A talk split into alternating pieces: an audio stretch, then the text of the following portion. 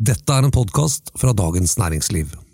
Du, jeg, jeg, ser på Instagram at du driver og sabler champagne om dagen. Ja, Det som er viktig, da, er jo at eh, flaska er kald, og at du sablerer i skøyten. Altså i skøyten? Ikke i skøyten, altså, altså der hvor den der sømmen er, ja. I skjøten. For du mener ikke i skøyten? Nei. Dialekt, Thomas. Hei og hjertelig velkommen til deg, kjære vininteresserte podkastlytter. Og hei til deg, Merete Bø, DNs vinskribent og anmelder. Hei, hei. Du, I dag Merete, så tenkte vi at vi skulle snakke om å smake vin på en mer metodisk måte. Mm. Altså Som gjør det lettere å skille viner og vinstiller fra hverandre, og dermed huske å forstå bedre. For det fins jo et system for hvordan man analyserer vin. Og så har du selvfølgelig da den personlige smaken. Kan ikke du bare si litt om de to tingene, Merete, først? Veldig, folk blir veldig overrasket når jeg sier at jeg gjerne gir, kan gi 95 poeng til en vin som jeg aldri ville kjøpt sjøl. fordi det er ikke min personlige smak. Eh, jeg tenker der er essensen da, i eh, min jobb er å smake metodisk på en vin, gjenkjenne kvalitet og skrive om det. Eh, i stedet for å fronte min personlige smak. Men det betyr jo samtidig også at det er ikke noe gærent i å like veldig godt en vin som får 85 poeng, eh, eller å ikke like en vin som får 95 poeng. Mm. For det har med personlig smak å gjøre. Det er, på, det er to forskjellige ting. Så I dag så skal vi da gå gjennom hvordan man skal smake vin på en systematisk måte. Vi skal prøve å lære deg hvordan du setter poeng til vin. Mm. Og vi skal også prøve å lære deg å forstå hvordan poengene settes i vinanmeldelser. Mm. Og helt til slutt så skal du selvfølgelig også komme med noen tips som man da kan kjøpe og prøve, som illustrerer noe av det vi snakket om. Jeg har plukka ut noen viner, og det er jo den letteste måten å lære ting på. Eh, så kan jo folk være, når de har smakt de, så kan jo folk være enig med meg eller enig med meg. Eh, alt sånn. Men eh, jeg tenker uansett at det, akkurat de eksemplene jeg har plukka ut, er såpass tydelig at jeg tror alle vil kjenne det. Og det morsomme da er jo hvis man da kan komme frem til at jeg forstår hvorfor den får en lav eller en høy score, men personlig så stemmer ikke det med min smak. Hvis det gjør den øvelsen hjemme, så hadde det vært kult å høre hva de syns. Da må du sende en mail til vin.dn.no.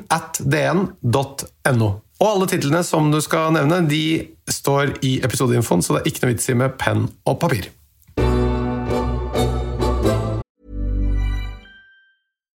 Millions of people have lost weight with personalized plans from Noom, like Evan, who can't stand salads and still lost 50 pounds.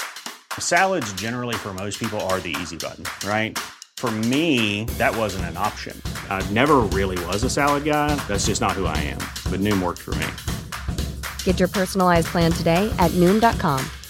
Real Noom user compensated to provide their story. In four weeks, the typical Noom user can expect to lose one to two pounds per week. Individual results may vary. Da skal vi gå gjennom eh, et, eh, hva skal vi si for noe, det som vi lærte på sommelierutdannelsen, som er et smakeskjema. Mm. Det handler om først å se, lukte, smake, analysere og konkludere. Mm. Så eh, Vi starter med det første. da, Merete. Det første man gjør, er å se på vinen. og Hva er det man ser etter da?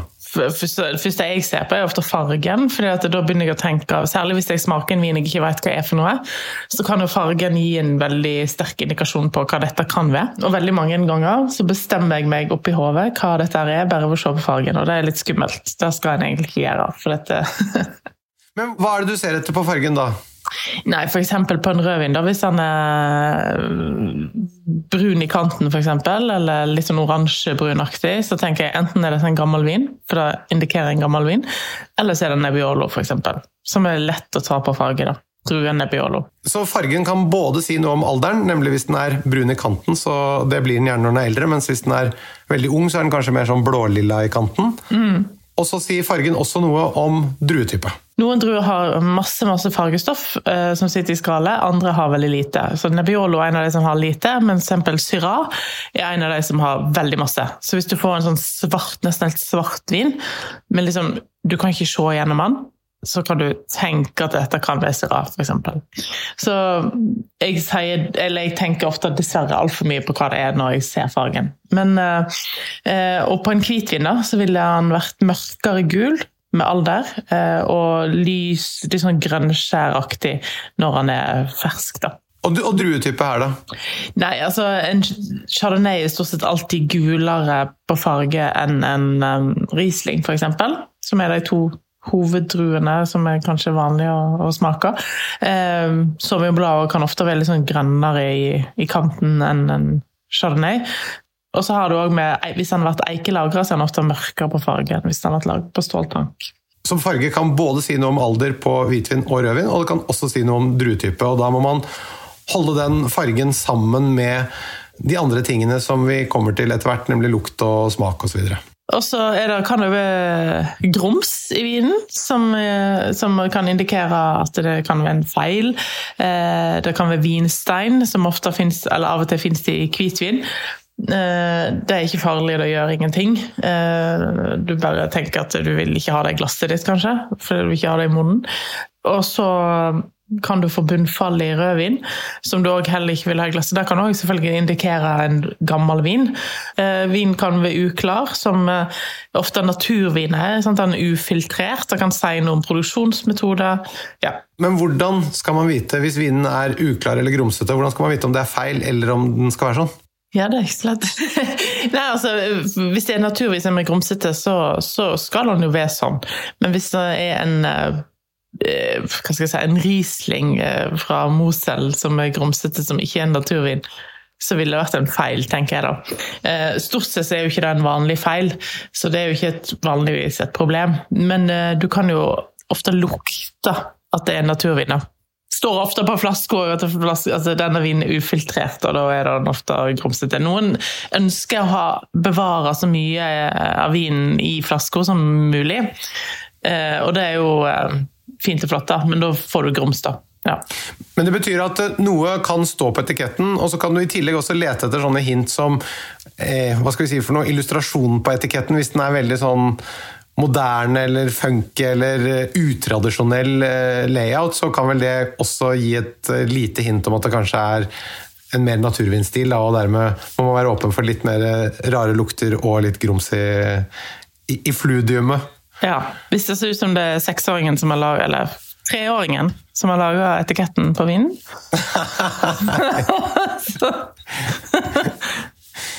kan, man kan også tenke at hvis etiketten ser ut som den er designet av en som også designer skateboard, så ja. er det naturvin.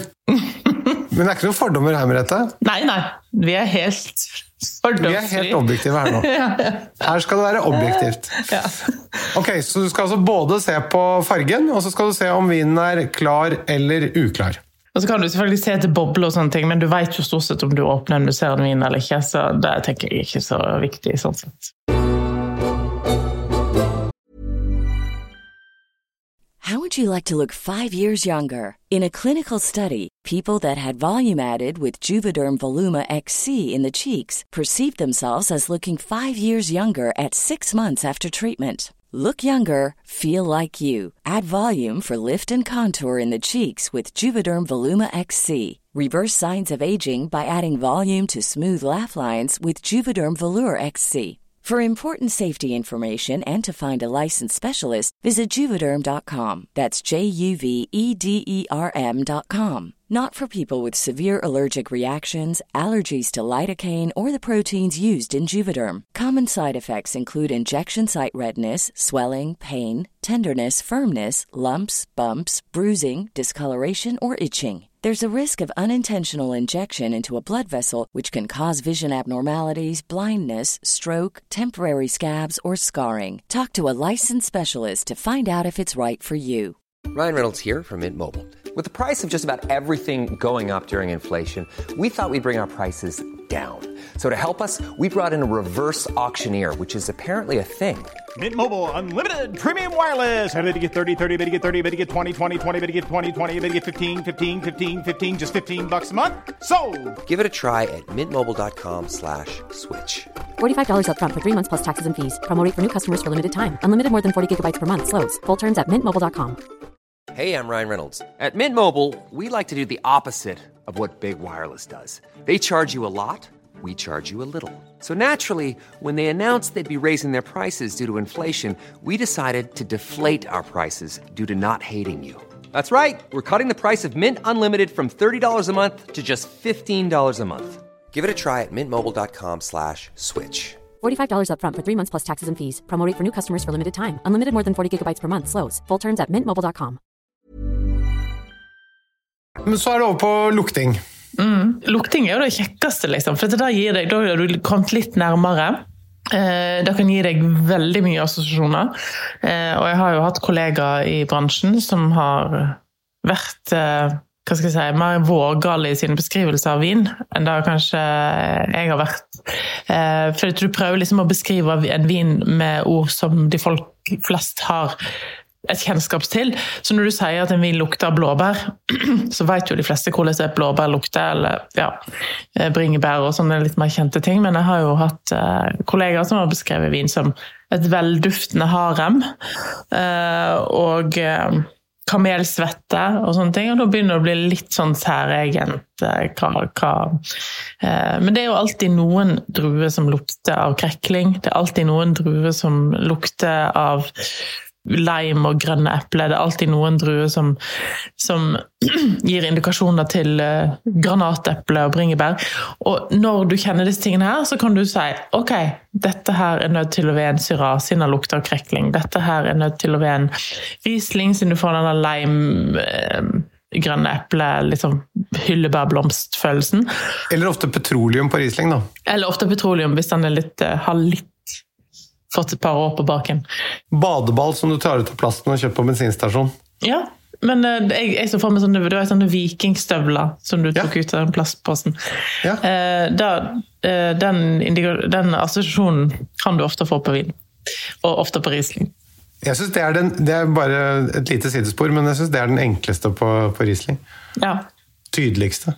Tydeligste på en Riesling som enten er for tidlig moden eller moden. um, eh, og dette, det dette er litt sånn kult, for når du kjenner disse aromaene, da, så kan jo folk eh, Noen er veldig flinke til å sette ord på det, andre er eh, litt mer eh, redd for å, å si hva de lukter. Eh, men når en begynner å tenke over lukt rundt om du, fordi at Når du går på dette studiet, da, som du har gjort og som jeg har gjort, så eh, begynner du å tenke over hva alt mulig lukter. Og da begynner det å bli litt morsomt.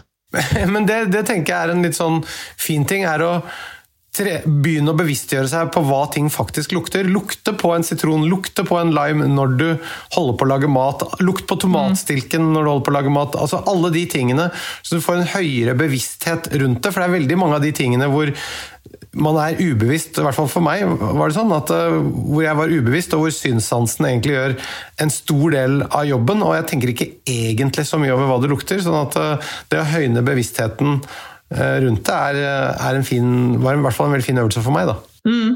Er det noe annet du leter etter når det lukter? Eh, hvis vin lukter fersk frukt, så er det jo indikerer det på at det er en ung vin. Hvis vin lukter krydder og lær og tobakk og stall og sånne ting, eh, og litt mer moden frukt, så indikerer det at det er en eldre vin.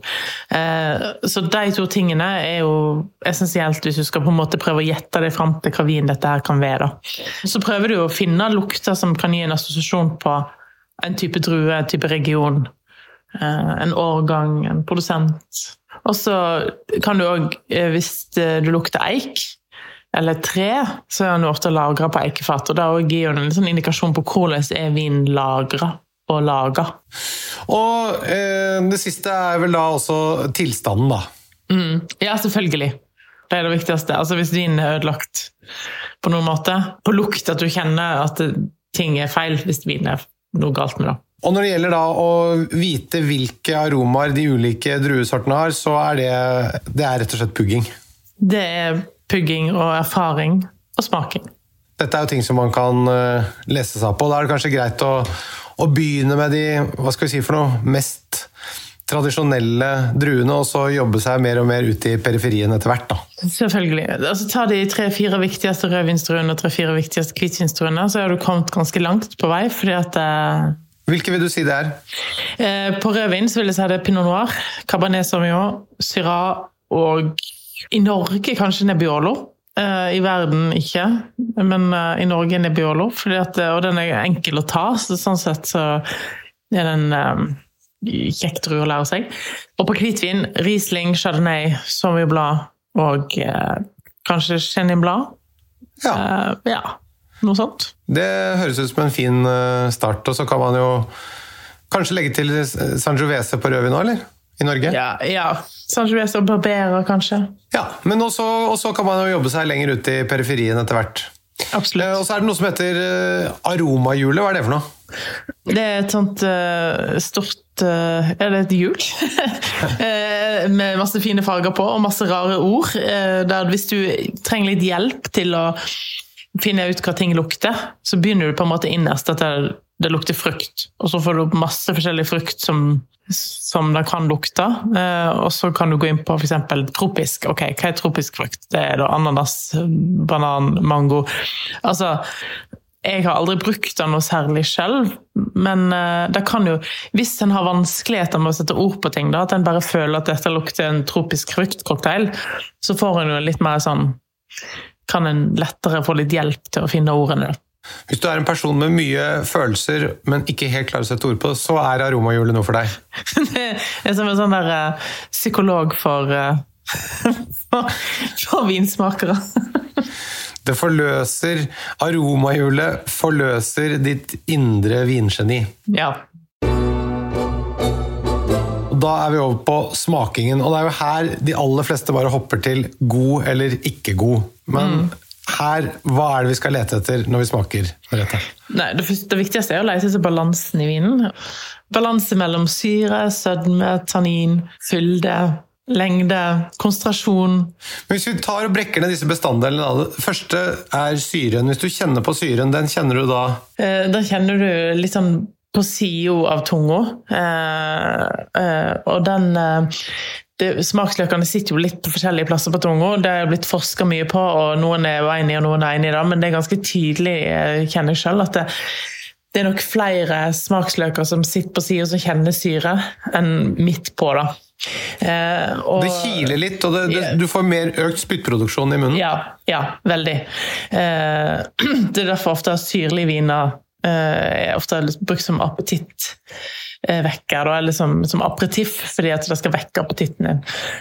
Økt spyttproduksjon gjør det. Uh, Og, og økt spyttproduksjon det kommer fordi at syren er høyere enn det som er i munnhulen, og dermed Ja. så vil munnhulen prøve å balansere ut og komme tilbake til sitt normale nivå. ja, stemmer.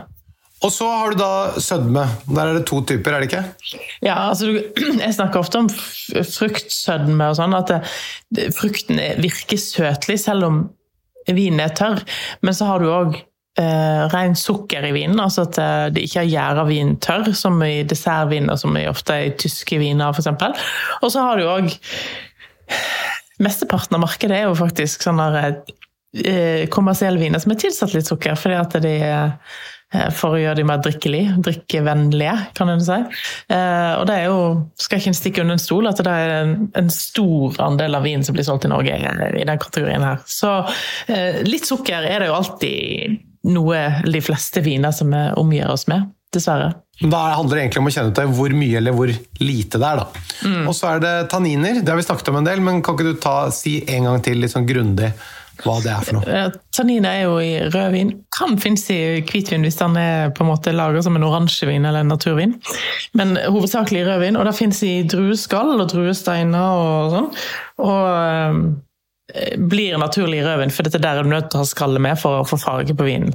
Um, og tanninene er jo og garvesyre, som vi kaller det i Norge. Det er jo ikke syre egentlig, men eh, garvestoff, tanniner. Alt dette er samme, flere navn på samme sak. Og de eh, tørker ut hele ganen. Eh, da er det veldig mange som sier hvis det er mye tannin, sier å, denne vinen var veldig veldig tørr. Ja, det er jo sånn det føles. Det er som å tygge et bananskall. Et sånn umodent bananskall. Eh, og det er jo ikke noe du har lyst til å gjøre. Så mye tanniner kan ofte virke veldig voldsomt i munnen, da. Og en ting som du ikke vil ha. Og da, da tenker jeg at eh, når du får en sånn vinopplevelse, så er det indikasjon på at vin skal lagres. For disse tanninene vil bli avslepte eh, etter noen år i flaska, og eh, vil vi ved å kunne er det som gjør at vinen kan bevares og lagres lenge. Da. Eh, dette, er jo, dette er jo da bitterstoffer, sånn at de balanseres også da gjerne ut av f.eks. sødme, for sødme balanserer bitterhet. Ja. Så hvis f.eks. Eh, det er en vin fra si, USA da, som har litt sånn sødmefull, rik sånn korpulent, liksom rik frukt, eh, og så får han masse tanniner i tillegg, så tenker jeg at da tenker du ah, men her er det i hvert fall en balanse. Så jeg tipper at den frukten der, som har såpass eh, bra konsentrasjon eh, Om noen år så vil de tanninene bli mjukere, det vil bli en fin balanse mellom de to tingene. Men så kan du jo ha en eh, syrlig, tanninrik vin uten den frukten der. Uten den fruktkvaliteten der, og da fra Europa f.eks., så tenker du åh, dette, disse tanninene her blir eh, aldri modne på samme tidspunkt som frukten blir moden. Så her dette blir aldri en fantastisk vin. Men det er altså viktig å skille at når man snakker om tørr vin, så handler det om sukkernivå, og ikke om den uttørrende effekten ja. som tanniner har. Ja. Og så skal vi over på fylde, som også gjerne da henger sammen med alkoholnivået. Ja, og uh, alkoholen har utrolig masse å si. Mye mer enn det vi tror, egentlig. Uh, og veldig få viner takler over 14% alkohol. Um, så jeg tror nok i framtida, når vi vil se mer økt alkoholprosenter pga. varmere klima, så tror jeg vi vil altså, Viner som har 11-12% vil bli enda mer ettertrakta enn hva en kanskje ser i dag. Men problemet med en vin som har veldig lav alkohol, er jo hvis man da ikke har fått en aromatisk modning på druene, at man har høstet dem for tidlig. Ja, så ble det lite sukker i dem, og så ble det lite alkohol, men så ble det kanskje for lite fruktaromaer og for lite fylde og konsentrasjon i, i smaksbildet da, ellers. Ja. Nei, det, det, det skal jo ikke være sånn heller. Og det siste du kjenner etter på smaken, da? Det er jo lengden på vinen, altså konsentrasjonen og lengden, da, kan du si. Uh, er dette en uh, vin som slutter veldig fort, altså at uh, smaken forsvinner med en gang, så tenker en at dette, det, da tenker en at dette er en vin med lavere kvalitet. Um, altså det vil si at frukten er veldig utvanna, da.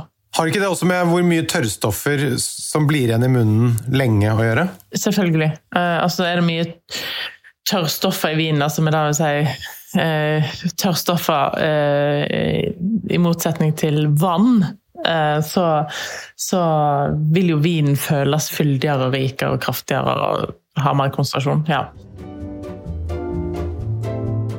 Da har vi vært gjennom se på vinen, lukte på vinen og smake på vinen. Og, og, så skal du da gjøre deg opp en mening og gi en score. Kan ikke du bare forklare hvordan du gjør det, da? Nei, Det, det jeg ser etter, er jo at uh, vinen er korrekt. At uh, han skal, han, at han smaker av druene han er laget av.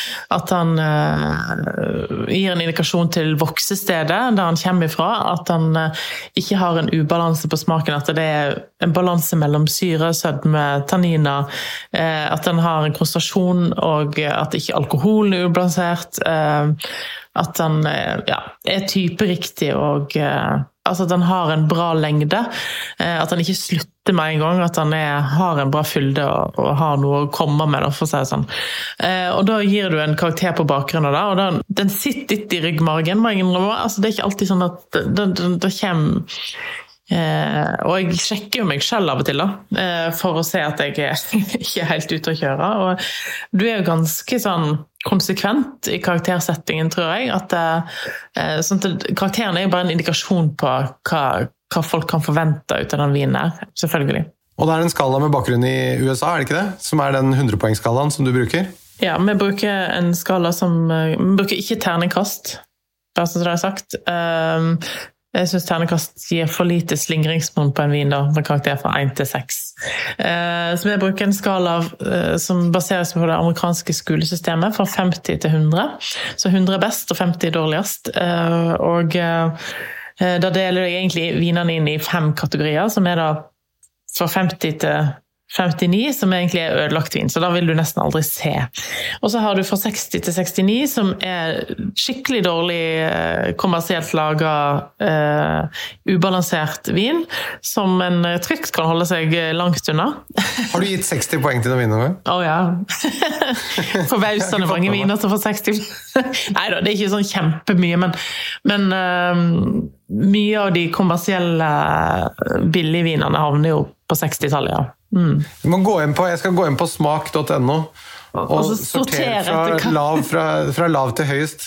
ja. det, det, er alltid gøy å gå inn og snu lista. Det er samme som når du er på Finn og ser etter ting. Så hvilken vei skal jeg starte? Skal jeg drømme, eller skal jeg være realistisk? det er jo litt, de fleste jeg tenker jeg begynner på det dyreste bare for å se hva det er for noe. Nettopp. Vi starter i drømmeland, og så jobber vi oss sakte, men sikkert nedover. Ja. Eh, og så er det 70 til 79, som er helt grei vin. En sånn mellomkategori mellom det skikkelig dårlige og det som er bra. Som eh, omfatter Hvis det er en kommersiell, masseprodusert vin som får 77 poeng, så kan du tenke at det er ganske decent for den vinen. Men det er jo ikke en bra score, eller det er jo ikke en bra karakter å gi for en vin. Jeg har vel ikke så mye 70-poengsvin i min egen kjeller, for å si det sånn. For noen viner så kan det være en bragd å få 77 poeng. Men det betyr at dette er viner som har såpass få objektive kvaliteter at selv om de for så vidt matcher på noen smak- og stilparametere i forhold til din personlige stil, så, så, så syns du det er for lite av den totale objektive kvaliteten til at du gidder å spare på det. da. Ja. ja. Eh, og så har du 80 til 89, eh, som er De smaker voksestedet sitt, de smaker av eh, druen. Du, du, kan gjenkjenne de, eh, du kan eh, gjerne lagre de, de blir kanskje bedre.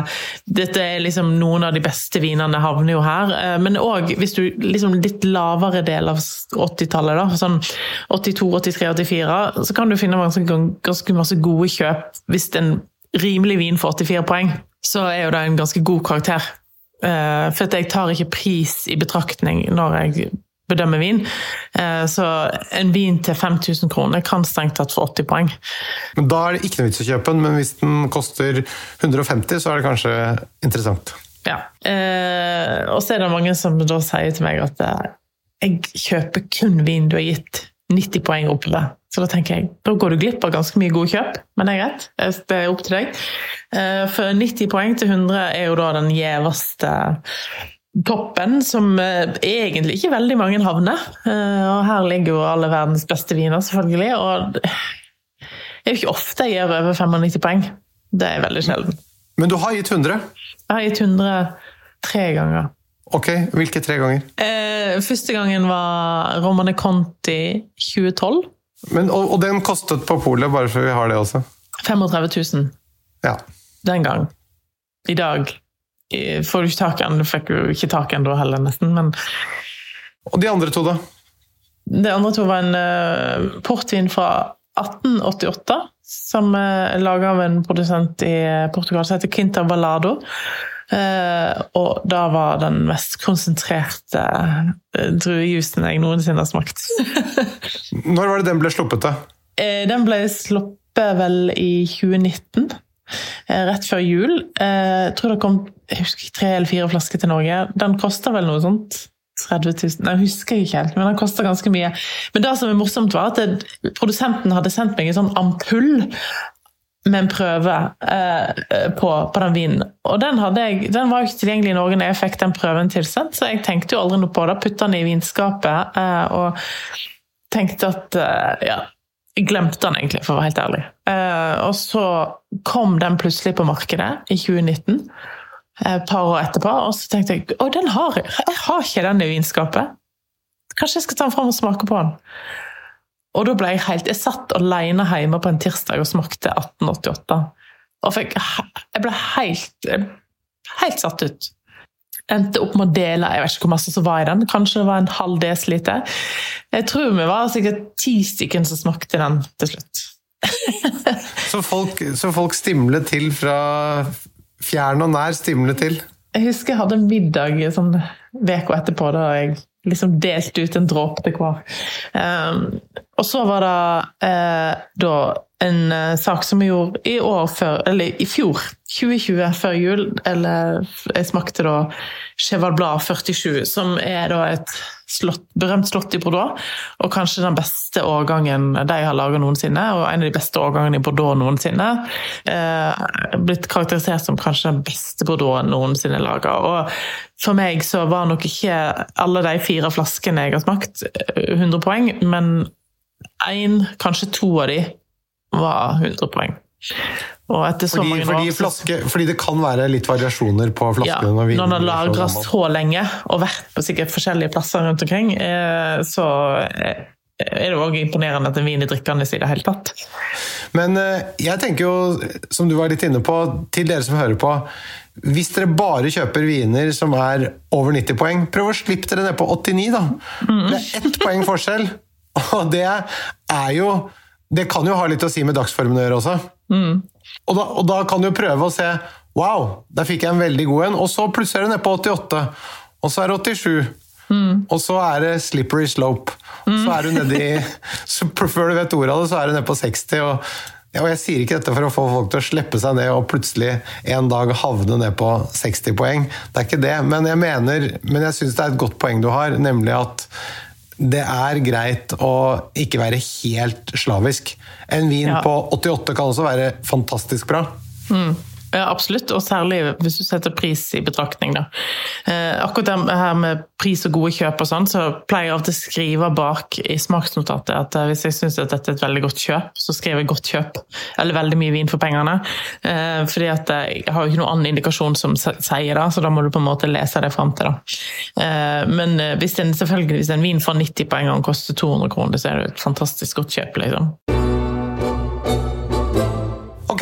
Skal vi da ta, helt til slutt skal vi da ta noen vinanbefalinger som er gode referanser på det vi har snakket om, da. den letteste måten, og det er det kjekt med vin, den letteste måten å lære seg eh, å skille kvalitet fra kvantitet, kan du si, er jo å smake. Eh, erfaring, erfaring, erfaring. Eh, og eneste måten å smake på er å kjøpe seg en flaske vin på polet og, eh, og stå og smake. Og gjerne to samtidig, for det er da en lærer mest.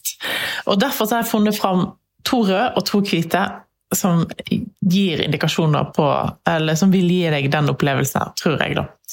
Eh, og så nå er det spørsmålet om jeg skal si hva jeg har gitt dem av poeng, eller ikke. Nei, men du, Er det ikke litt gøy at du ikke sier det, så kan man eventuelt gå inn selv på databasen etterpå og se uh, om man hadde rett, eller om man må trene mer? Men eh, da er det Jeg har valgt ut eh, på rødvin så jeg har valgt ut to eh, Syrah. Den ene kommer fra Råndalen og en produsent som heter Alain Greillot, og en Cross Hermitage 2018. Den fins ikke i basissortimentet, men er inne på ganske mange pol. Eh, og den koster 330 kroner og kan bestilles. Og så vil jeg at jeg skal smake den sammen med en som, het- som fins i basis i hyllene på polet. Kanskje ikke alle butikkene, men en del. Fra Barossa Valley i Australia. En Shiraz, samme drue, bare den australske varianten. Eh, Den koster 175 kroner, så den er på en måte halve prisen av den fra Ron. Og den heter Burns Copper Barossa Valley Shiraz. Um, Da må man altså gå inn, se, lukte, smake, analysere og konkludere i forhold til det som vi har sagt i denne podkasten. Og så kan man gjøre seg opp en mening om hvilken av de to vinene som man mener er det beste kjøpet. Så kan du etterpå gå inn og se på smak.no og se hvilken score du har gitt. Ja, se på fasiten. Nei da. og så eh, har jeg eh, Og det ser jo en prisforskjell på, ikke sant? Så du må liksom eh, Prisen skal ikke ha noe å si, men, men du må ha det bakover at eh, Men du må kunne vurdere hvilken vin som er det beste kjøpet. Ja, absolutt. Eh, og så har jeg funnet to Rieslinger. Begge to eh, eh, kommer fra Tyskland og fra en samme vinregion som heter Nae. Den ene er en eh, Schmetling Schmetterling Riesling Trocken fra 2019, eh, og den koster 117 kroner. Og den andre er en eh, Riesling Trocken fra Dunhoff, som er fra 2020, så han er ett år eh, yngre, og koster 138 kroner. Så her er det altså 21 kroner forskjell, eh, men jeg vil si at det er ganske innafor det er samme priskategori. Det er to rimelige viner, og samme vinregion og samme drue. Men er det kvalitetsforskjell? Det må folk gjøre seg opp mening om. Oi, dette var gøy! Nå skal jeg faktisk ut og prøve å kjøpe litt forskjellige viner og ta opp igjen blindsmakingen. Det er jo de ydmykes hobby. Hvis du ikke er ydmyk før du begynner, så blir du det i hvert fall når du har holdt på litt. Så snakkes vi neste uke. Det gjør vi. Ha det. Takk for i dag. Takk for i dag. Og skal jeg også prøve å sablere igjen. Det var bra du sa det med at den skal være kald, fordi hvis den er for varm, det, det blir fort en uverdig øvelse. Det er uverdig.